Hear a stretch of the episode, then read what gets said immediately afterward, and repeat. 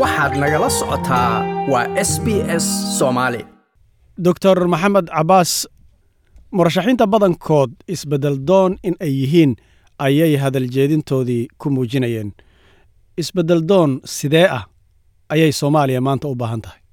Bismi illaahi araxmaan iraxiim madar aad baad u mahadsan tahay iyo idaacadda s b s laanta af soomaaliga ee magaalada melbourne. Midina waa sida nimanka siyaasiyiinta musharaxiintu hadalka u dhigayaan midina waa baahida jirta ee dalka iyo dadku ay u baahan yihiin. Murashaxiinta tartanka madaxweynaha ee soomaaliya nin waliba wuxuu leeyahay isbeddel doon baa nahay. Kooxda mucaaradka waxay leeyihiin isbeddel doon baanu nahay. Madaxweynihii xilkiisu dhammaaday madaxweyne farmaajo wuxuu leeyahay isbeddel isbeddel doonka socda baan wadaa. Marka dhab ahaan loo fiiriyo xaggooda laga fiiriyo waxa weeye nin waliba kursiguu rabaa inuu ku fadhiisto. Madaxweyne farmaajo inuu soo laabtuu rabaa. Wixii shan sano uu qaban waayey intiibuu hadda ku soo celiyey.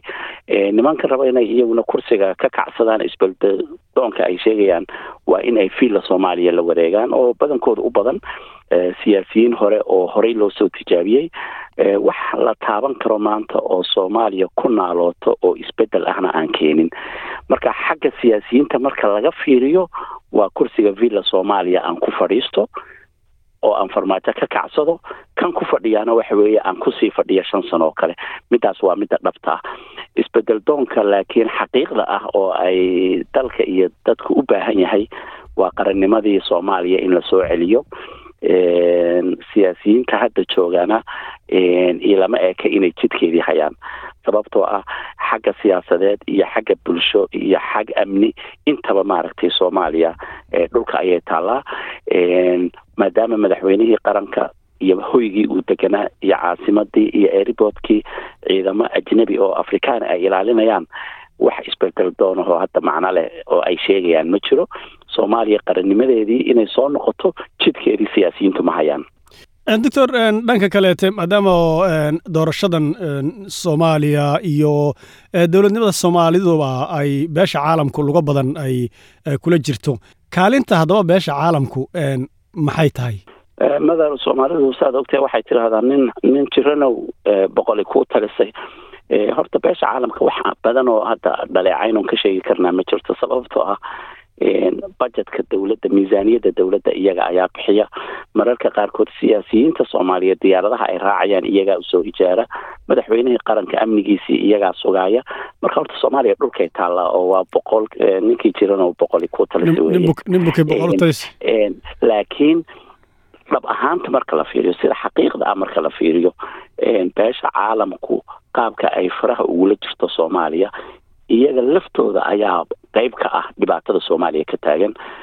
Dad badan oo aqoon-yahana oo soomaaliyeed waxay aaminsan yihiin qarannimadii soomaaliya in ay soo noqoto inay beesha caalamku qeyb ka tahay in inay hortaagan tahay. Beesha caalamku ujeedada dhabta ay soomaaliya ka leedahay waxa weeye khayraadka dalkani iska leeyahay xeebta africa ugu dheen dhammaan macaadinta adduunka ugu qaalisan oo wadanka laga helo batroolkii iyo shidaalkii iyo gaaskii dabiiciga ahaa oo dhan.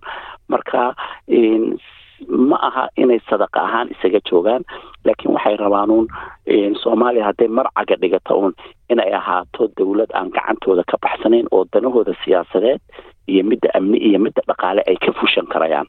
Taasina dhibaato waxay keenaysaa in soomaaliya inay iyadu iskeed cagaha ugu istaagto in ay maaragtay aanay marnaba raalli ka ahayn. Marka beesha caalamku haddee hadda waxbaba lagama sheegi karo iyagiibaa gacanta kugu haya. Laakiin dhab ahaan marka loo fiiriyo waddan ma madax banaanaan karo inta shisheeya kugu jiro. Marka qeyb ayay ka yihiin runtii laftoodu dhibaatada soomaaliya ka taagan.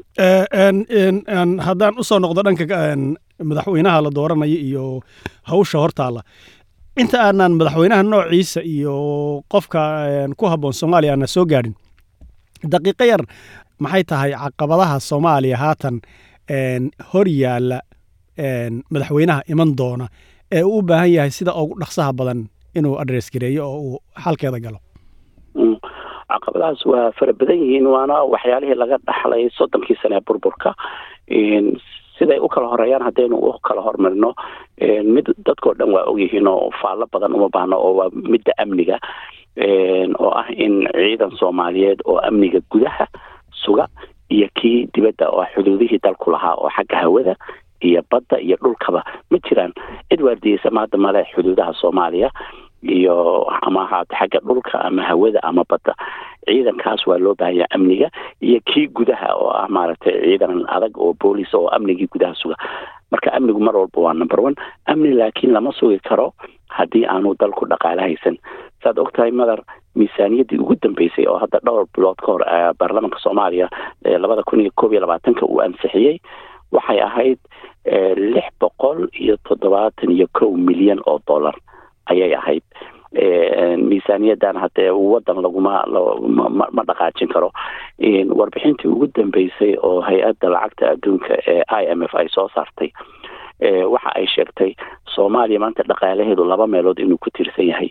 Waxoogaa xoolaha nool iyo in yar oo dalaga beeraha oo loo dhoofiyo waddamada khaliijka iyo lacag dhan laba bilyan oo dollar oo ka soo xaroota gurba joogta soomaalida laba bilyan oo dollar ayay warbixintii u dambeysay hadda ay i m f ay ku sheegtay oo ay soo daabacday wargeyska aljazeera marka laba bilyan oo dollar oo gurba joogta ka imanaya iyo waxoogaa dhaqaalaha ka soo xarooda xoolaha nool intaa weeye madaxweynaha soo socda caqabada ugu weyn waxa weeye inuu helo dhaqaalo fiican oo dowladdii lagu maamulo.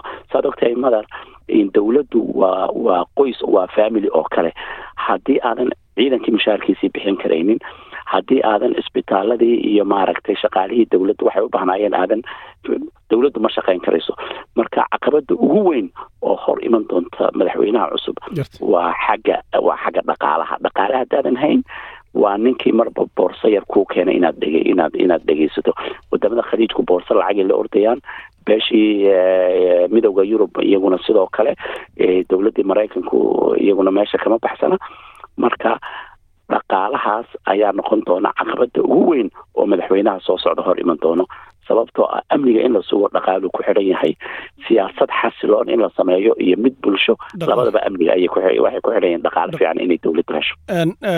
Isla mar ahaanta haddaba hadday arrimahaasi jiraan madaxweyne noocee ayay soomaaliya u baahan tahay si gaara marxaladan haatan lagu jiro ee aadka xasaasiga u ah. Ilaahay waxaan ka baryaynaa mid kheyr qaba oo danta diinta iyo dalka ilaaliya ilaahay inuu shan iyo tobanka may u soo saaro. Nooca uu noqon doono waxaa la rabaa kow inuu yahay madaxweyne hankiisu weyn yahay oo soomaalidii waa la isku jeediyey markaasaa laga shaqaysanayaa ee madaxweyne intuu iyaga isu dumo dadka caalamka la xisaabtama inuu noqdo. Soddonkii sane la soo dhaafay soomaalidii madaxa la isu geliyey ama maamul goboleed ahaan ha loo maro ama xagga qabiilka ha loo soo maro ama xagga ururo diimeed iyo waxyaala noocaasa ha loo soo maro madaxa la isu geliyey waa laga shaqaysanayaa. Mid soomaalida indhaha u fura oo intuu isu soo dumo kadibna la xisaabtama caalamka ama haato regional level oo gobolka aynu ku naalno ama heer caalami madaxweynahaas oo hankii soomaaliyeed ee weynaale. Runtiina waxa dadka hadda tartamaya oo dhan ilama eeka in in uu ku jiro. Sababtoo ah badankooda waa la soo tijaabiyey. Wax cusub oo hadda dadweynuhu filanayaanna ma jiro. Laakiin waxa weeye hadde saas un weeye soddon iyo sagaal ayaa hadda isu timid. arrinta ugu weyn ee laga faa'iiday waxay noqotay wasaaraddii maaliyadda soomaaliya inay uga soo xarooto hal milyan iyo shan boqol iyo lixdan kun oo ahayd afartankii kun ee laga qaaday tartamayaasha. Marka kolley dhaawacu waa badan yahay madar laakiin waxaa loo baahan yahay madaxweyne aan lahayn ama aan barnaamijkiisu aanay ku jirin argoosi siyaasadeed dhibaatada ugu weyn waxa weeye oo hadda dadka xusul duubaya argoosi siyaasadeed ayaa ugu jira qorshaha. Marka madaxweyne han weyn oo soomaali mucaaradkeeda iyo maxaafadka intuu isu keeno horey u dhaqaajiya oo waa laga shaqaysanayaa inay shaqadooda tusay u baahan tahay madar. Haddana runtii waa siday aniga ila tahay shaksi ahaan qofkaasi ima muuqdo. Gartay haddaan u soo noqono doorashooyinka lafahantooda waxay u muuqatay murashaxiintu inay fara badnaayeen. Dad badan baa iyagu u arkayba murashaxiintan fara ee soddon iyo sagaalka ahaa inay ka dhigan tahayba macna beel ahaan jagadii madaxweynenimada tirada intaa la eg nooc walbaba ku jira dadka tartamayey yaa isku haya haddayba noocaa taho nin walba jagadan uu iska xaraysanaya arjidiisa yaa isku haya madaxweynenimada ma afkaar baa yaa iswajahaysa oo ishaysa ma ashkhaas baa ishaya yaa ishaya yaa tartamaya.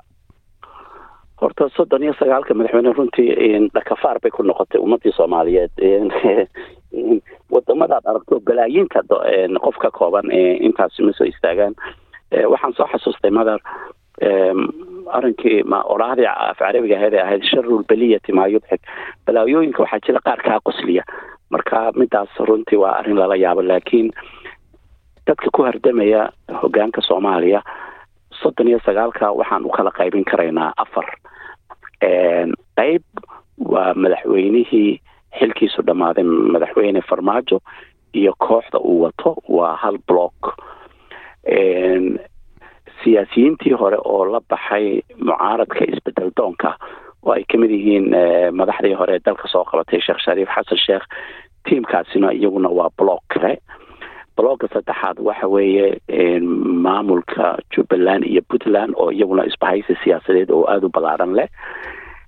Saddexdaa blog waa saddexda blog ee isku haya hardanka dhabta ee villa soomaaliya sidii loola wareegi lahaa qaybta afraadna waxa waaye nin walooba wadaantaada ku tuuro oo ah ashkhaas anigii adigoo kale ka mid a oo yidhi balwarniyo meeshii qof waliba waa tartamayaaye oo iyagu aan aan ka tirsanayn laakiin shaksiyadooda iyo wadaniyadooda iyo hankooda siyaasadeed uu ku qanciyay inay tartamaan oo aan saddexdaa group midna aan ka tirsanayn.